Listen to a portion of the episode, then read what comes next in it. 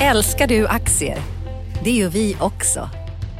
Sea Worldwide Asset Management är en av Nordens största oberoende aktiva aktieförvaltare och har samlad kunskap sedan 1986. Ta del av vår kunskap på seaworldwide.se. Bokstaven C, worldwide.se.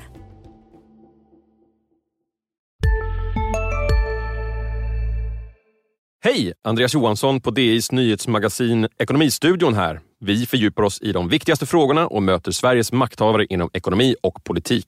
Ekonomistudion finns där poddar finns varje dag klockan 16. Analyspodden från Dagens Industri. Hej och välkomna till Analyspodden med Dagens Industri. Jag som pratar heter Felicia Åkerman, är reporter och analytiker på tidningen och med mig på eh, andra sidan luren så har jag min kollega Ulf Pettersson. Hej Ulf! Hallå Felicia, hur är det med dig? Jo då, det är fint. Det är ju klämdag idag, så det är en liten sådär konstig vecka där man liksom kastas in och ut och hänga med i nyhetsflödet. Men eh, det har ju hänt mycket grejer, kan man ju lugnt säga. Hur är det med dig? Jo, det är bra tack. Eh, det är klämdag här också, men jag vet inte om eh, vårt jobb, det är inte riktigt sådär att klämdagar är liksom halvdagar. Det är tvärtom nästan mer, mer att göra, för det är liksom eh, tidningen ska fyllas ändå trots att man liksom, eh, ja till och med fler tidningar än vanligt. Så det, det är lite sådär. Men eh, vi hinner ju med vår, vår eh, traditionella fredagspodd i alla fall och det är roligt. Mm. Du, det känns som jag håller ju på med börs och aktiemarknader på tidningen och du håller på med makroekonomin. Det känns som det har varit mer, mer att titta på för din del under veckan som har varit Felicia. Ja, det har ju liksom börjat Eh, Eh, storma lite mer med saker som vi kanske hanterade mer under förra året och som lite har hamnat i skymundan av hela coronagrejen. Och då tänker jag liksom på alla de här geopolitiska spänningarna eh, som ju verkligen har kommit upp på agendan igen, framförallt mellan Kina och USA. Men det har också sett lite saker hända i Europa. Sådär. Så det har varit en ganska kort men intensiv vecka får man ju lugnt säga. Vilket är mest, mest intressant av de här geopolitiska? Är det Donald Trump och eh, Kina och handelsavtalen och, och, och, och blame game och sånt där? Eller finns det någonting annat där ute som är minst lika intressant?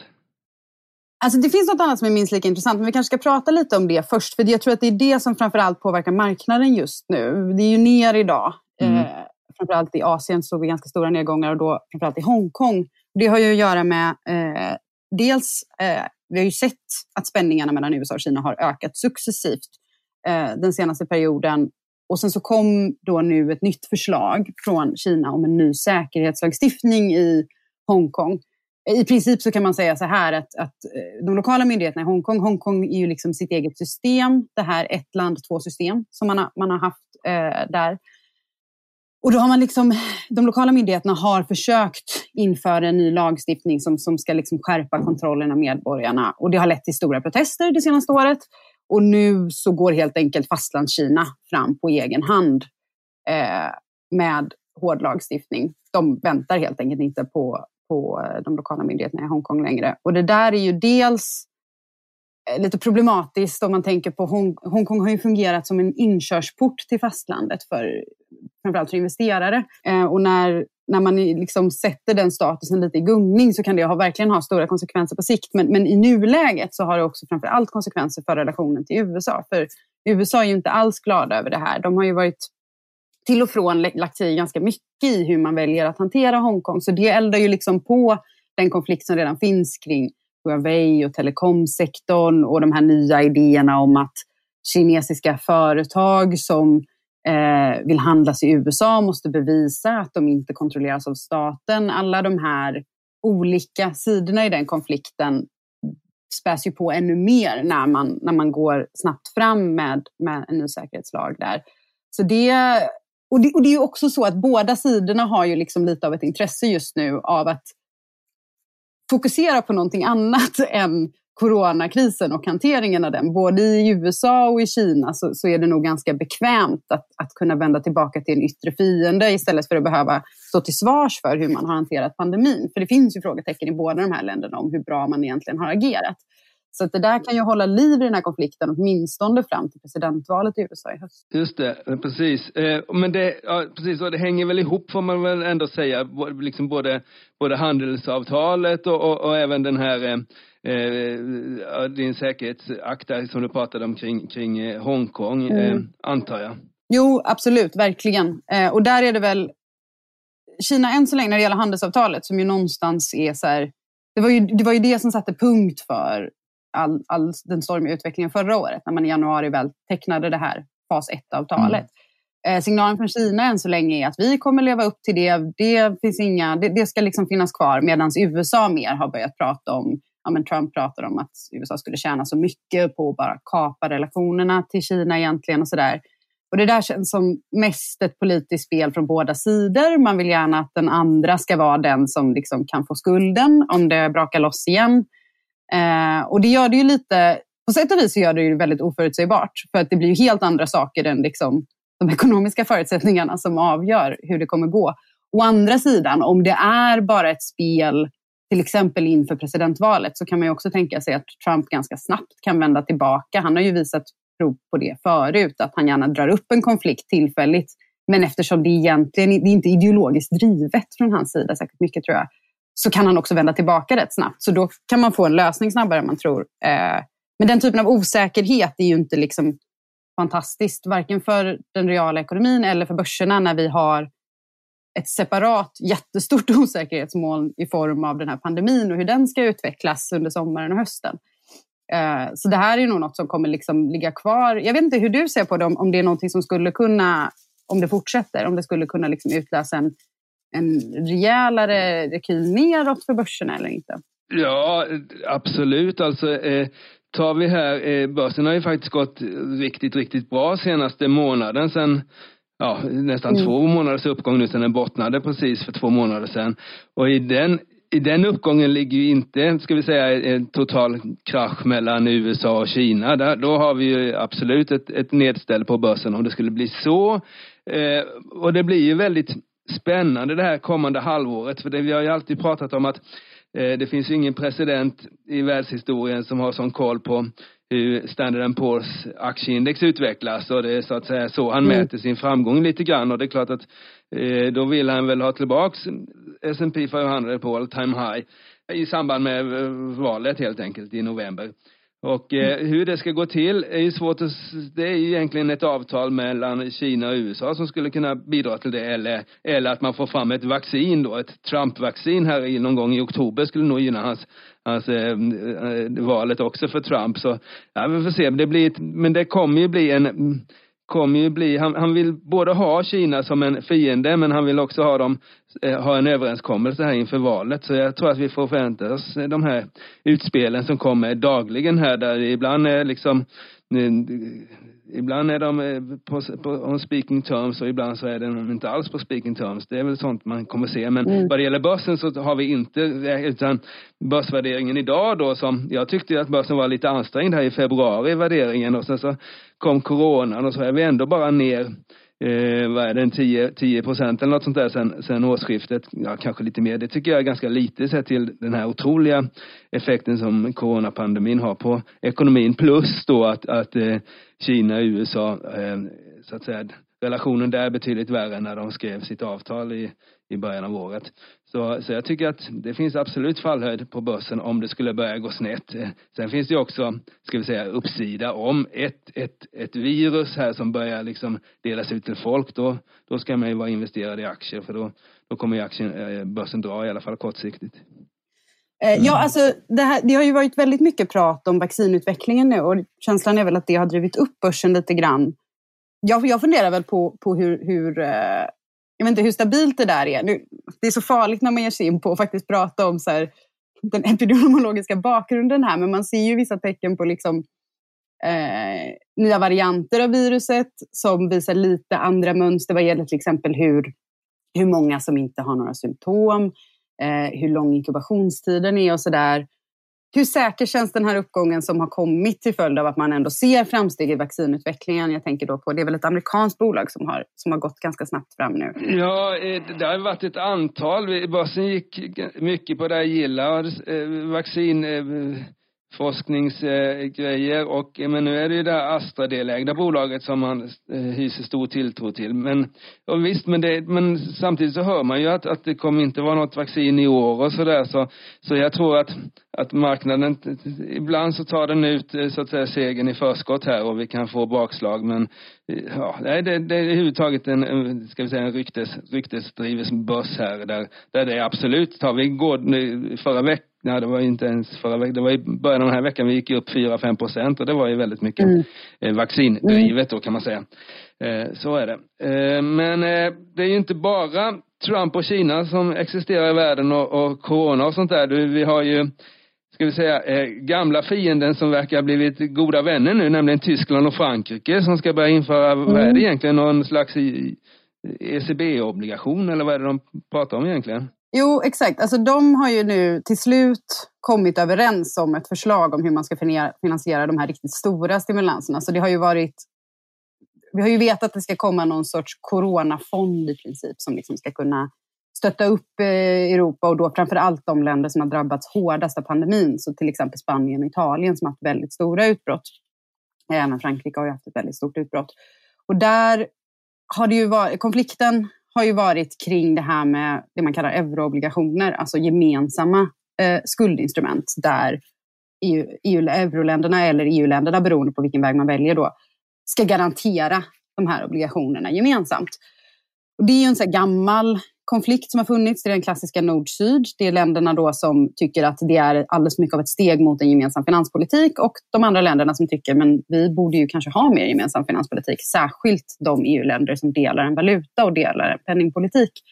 Eh, och där har nu Tyskland och Frankrike enats om ett förslag som går ut på att det ska vara eh, för det första inte lån till de här länderna utan direkta stöd. Och det ska finansieras genom den gemensamma EU-budgeten där EU då står som emittent. Så jag är ganska säker på att när, om, om slash när det här väl blir klart så kommer det vara skrivet på ett sådant sätt att de som inte gillar euroobligationer kommer kunna hävda att det inte är euroobligationer och de som gillar euroobligationer kommer kunna hävda att det är det.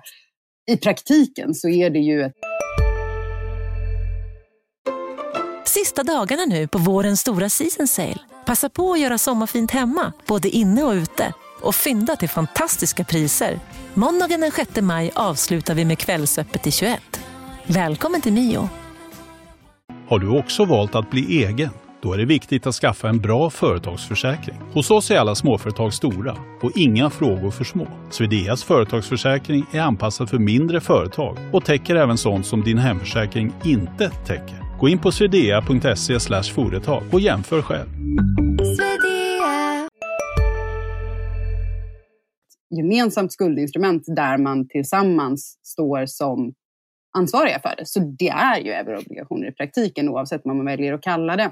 Just det, fast det är ett, eh, det är ett mellanled där. Det är ändå, det är ändå liksom Ja, precis. Det är exakt. som man skulle alltså, kunna... Ja, precis. Ja, det är intressant. Men det... Eh, det är klassisk politisk kompromiss. skulle du förorda ett sånt instrument? Är det bra eller är det liksom, eller släpper man så att säga eh, anden lös fullständigt här när man ger, ger då eh, EU liksom eh, möjlighet att, att så att säga ännu större budget förstås blir det eller och det kan bli ineffektivt mm. eller hur, hur, ser du? Hur ser du på jo, det? Hur tror du marknaden kommer se på det? Det är ju lite komplicerat minst sagt. Det finns ju verkligen argument för och emot. Om man tittar bara på euroländerna så, så finns det ju ganska starka argument för att man måste ha någon typ av finanspolitiskt samarbete när man har en gemensam penningpolitik. Det är ju det som alltid har varit väldigt svårt för euroländerna. Att de styr inte över sin centralbank egentligen för att den riktiga centralbankspolitiken den förs av ECB.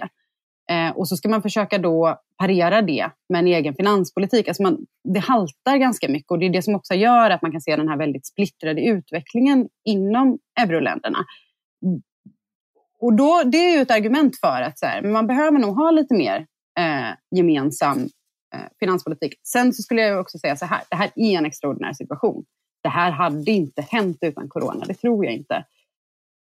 Är det så att man kommer se det som just det, en extraordinär åtgärd som görs nu och som man lämnar bakom sig och sen vid nästa EU-gemensamma budget så betalas pengarna tillbaka och så är det klart? Eller är det så att det kommer ligga kvar? Det är ju väldigt svårt att säga, men jag tycker ändå att man kan snegla lite på erfarenheten på centralbanksidan efter finanskrisen. Då genomfördes jättemycket saker som beskrevs som extraordinära och som sen ändå blev kvar som verktyg i den vanliga lådan. Och många av dem användes även när det inte var en stor, stor kris. Man får liksom, som vår kollega Viktor Munkhammar uttryckte det eh, när han skrev om det här i veckan, så får man en sorts prejudikat. Så att det blir liksom närmare till att använda de här bitarna. Och den balansgången tror jag är det som kommer att avgöra om det är bra eller inte. I grunden är det bra just nu i den här krisen. Man måste få till de här stimulanserna. Det behövs verkligen. Men om man hamnar i en situation där det här börjar bli mer vardagsmat så, så tror jag, då, då kommer det problem med det också. Jag tror att det blir svårare att, att vara på de länder som måste dra ner på sina skuldbördor mer. Ehm, det blir återkommande konflikter också inom eurosamarbetet på ett sätt som kanske inte är så gynnsamt. Så det där kommer bli en svår balansgång framöver, eh, tror jag. Så jag vet inte, jag är väldigt kluven till det. Ja. I grunden så behövs det här just nu och ja, i en sån här extraordinär situation så får man väl helt enkelt göra så och så måste man försöka hantera problemen efteråt. Men det är samma diskussion som i USA nu, alltså när man ökar på statsskulden så mycket som man gör. De hade ju redan en hög statsskuld. Det kommer vara ett problem, men man behöver fortfarande göra det i nuläget. Eh, vi har även haft, eh, då var vi i lediga då, så det kanske gick lite spårlöst förbi då, en inköpschefsindex här för eh. Eh, hur, hur, hur såg de ut och vad de, eh, vad de gör, gör de att man sover lite bättre om nätterna eller ska man vara fortfarande orolig eller, vad, eller går det inte ens att dra några slutsatser eller vad tror du Felicia? Det är svårt att dra några slutsatser av dem, tycker jag spontant. Alltså det var då, vi fick USA eh, igår och sen så fick vi också en del av Europa. Man, man får euroområdet som helhet och Tyskland och Frankrike lite innan man får alla detaljer. Och där kan man väl säga att det, det var ju jättestora ras i april. Eh, Frankrike till exempel var ju ner till 11,1 vilket ju var en siffra man aldrig trodde att man skulle se. Eh, nu, nu steg inköpschefsindexen ganska brett eh, under, under maj. Ungefär runt 30-31 för alla de europeiska och typ till 36,4 tror jag det var i USA. Eh, men då ska man komma ihåg, man måste verkligen understryka hur de här indexen konstrueras. Det handlar alltså om förändringen jämfört med föregående månad och om det ligger under 50 så är det alltså fortfarande en inbromsning jämfört med föregående månad som då var jättedålig. Så att det, det är fortfarande från en tid innan man liksom började öppna upp, innan man började eh, komma tillbaka på banan något sånär. Så att jag tror att vi kommer ju se vi kommer se de här indexen gå upp framöver när till exempel då Tyskland och Frankrike öppnar mer och även USA öppnar mer. Men jag skulle nästan vilja slå ett slag för att även, även stora länder borde titta på de svenska inköpschefsindexen nu faktiskt. För att Sverige kan nog fungera lite som ett sorts föregångsland här om man vill titta på, okej, okay, men hur kommer det att se ut när vi väl har börjat öppna upp lite mer men folk kanske fortfarande är oroliga för smittspridningen så man kanske inte agerar som riktigt som man gjorde förut. Företag kanske inte, om du tar en restaurang till exempel, de kanske bara har hälften av borden för att man ska kunna hålla distans. Eller ett flygbolag, när folk börjar flyga igen, mittenstolen kanske kommer vara tom. Alltså ett land som Sverige då, där man har haft mycket mer av frivillighet i hur mycket man drar ner på sin ekonomiska aktivitet, kan ju funka lite som en ledstjärna för, okej, okay, men vad är det här nya normala? Samma sak med Kina nu. Ja, just det. Och om, om så att säga, Sverige idag är det nya normala för Europa i, och, och världen i framtiden så är det ju inte någon jätte, jätte, jättelyft man kan tänka sig framöver då förstås. Nej, precis. Alltså vi, vi har ju lite tid kvar tills vi får vårt maj inköpschefsindex, men vi kan ju titta på aprilsiffrorna. 36,7 för industrin och, och, det är ju inte mycket. Och en klar nedgång på tjänstesidan som ju går väldigt svagt. Så att det är ju inte med det, med det perspektivet så känns ju inte de här siffrorna sådär super, super bra. Eh, men jag tror just när man tittar på inköpschefsindex, eftersom de är konstruerade som de är, nämligen förändringar från föregående månad, så kommer de kunna fortsätta stiga. Men det kanske inte säger lika mycket om utvecklingen i den reala ekonomin som det brukar göra. Eh, sådär. Så jag tror, som svensk kanske man har lite lite fördel av att vara van vid att titta på de svenska siffrorna nu när man ska tolka hur det ska gå i andra länder. Mm. Spännande, spännande. Och eh, nästa vecka då? Är det en ny intensiv vecka för, för dig eller hur, eh, vad är det du fokuserar på? Ja, det, det, är mycket som händer nästa vecka. Just nu är jag väldigt fokuserad på hushållen i typ alla länder egentligen. Eh, för att de flesta, även i länder som Kina till exempel, som vi fortfarande tänker på som en tillväxtekonomi och kanske tänker lite på som liksom en, en fabrik. Sådär. Även i de länderna så är det faktiskt den inhemska efterfrågan väldigt, väldigt viktig, framförallt för hur det ska gå på arbetsmarknaden. Så alla signaler kring, kring hushåll och arbetsmarknad tycker jag är superintressanta nu. Och då har vi ju för svensk del äh, nya arbetslöshetssiffror för april. äh, och också KI-barometern kommer senare i veckan. Eh, detaljhandels siffror också. Allt sånt där blir ju väldigt intressant. Men vi har en hushållsindikator från USA redan på tisdagen som jag också kommer titta väldigt nära på. Och sen kommer, alltså det kommer jättemycket saker nästa vecka verkligen. Vi har BNP-siffror från USA, vi har de här, den nya veckostandarden torsdagen med eh, nyanmälda arbetslösa. Superintressant som vanligt. Eh, mycket handelssiffror, mycket japanska siffror. Som, det borde vi kanske spendera lite mer tid med att prata om nästa gång. Japan mm har levererat en del på senare tid där det har varit, ja, men det ser ut efter omständigheterna förvånansvärt stabilt ut. Så det är också intressant att titta på. De har ju också valt att inte gå så hårt fram med restriktioner som många andra länder och valt att hantera utbrottet på ett lite annat sätt. Så Japan kan också vara en intressant... Liksom... Ja, och framförallt så lyckades de väl mota, vad man förstår, mota Olle i grind ganska tidigt egentligen. De var ju så att säga mm. tidigt in i corona men, men eh, ja, lyckades få ner siffrorna snabbt. Där var det nog i och för sig också, jag vet inte om du kommer ihåg det här, men det var ju ett, ett kryssningsfartyg mm, där i princip alla blev sjuka. De var ju typ tvungna, och, ja. de var ju tvungna att liksom ja, dra isär den där statistiken för att om man räknade in det kryssningsfartyget så var det liksom otroligt mycket högre, ett högre antal smittade. Sådär. Så det, ja, men Japan är intressant i det här. Vi ska, vi ska prata mer om det mm. någon annan gång i, i framtiden. Men nästa vecka har ju vi någonting kul på G. Just det. Börsdagen. Börsdagen, ja.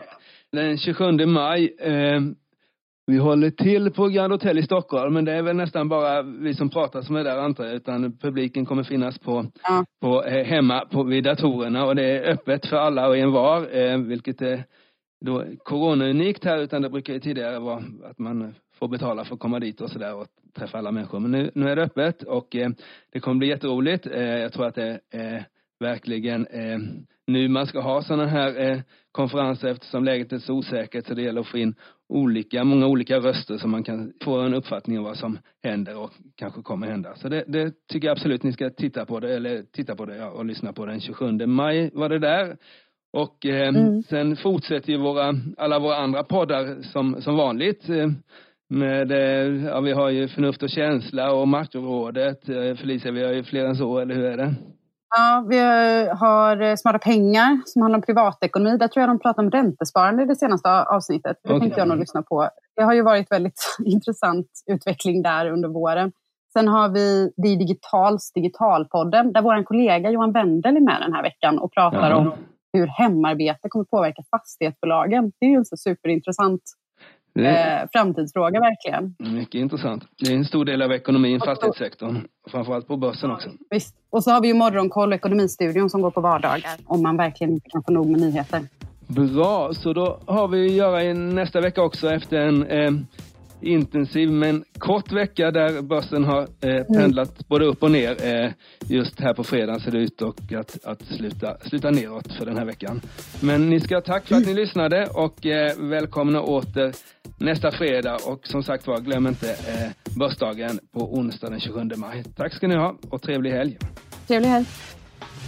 Analyspodden från Dagens Industri. Programmet redigerades av Umami Produktion. Ansvarig utgivare Peter Fellman. Hej! Andreas Johansson på DIs nyhetsmagasin Ekonomistudion här. Vi fördjupar oss i de viktigaste frågorna och möter Sveriges makthavare inom ekonomi och politik.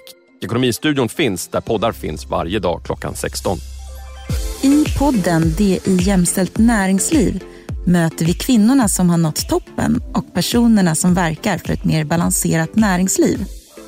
I premiären ska vi träffa Sveriges mäktigaste techkvinna Sofie Benz. Och sedan hörs vi igen varje månad den 15. Trevlig helg!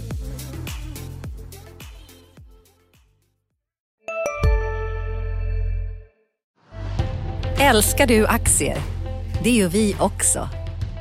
Sea Worldwide Asset Management är en av Nordens största oberoende aktiva aktieförvaltare och har samlad kunskap sedan 1986. Ta del av vår kunskap på seaworldwide.se. Bokstaven C, worldwide.se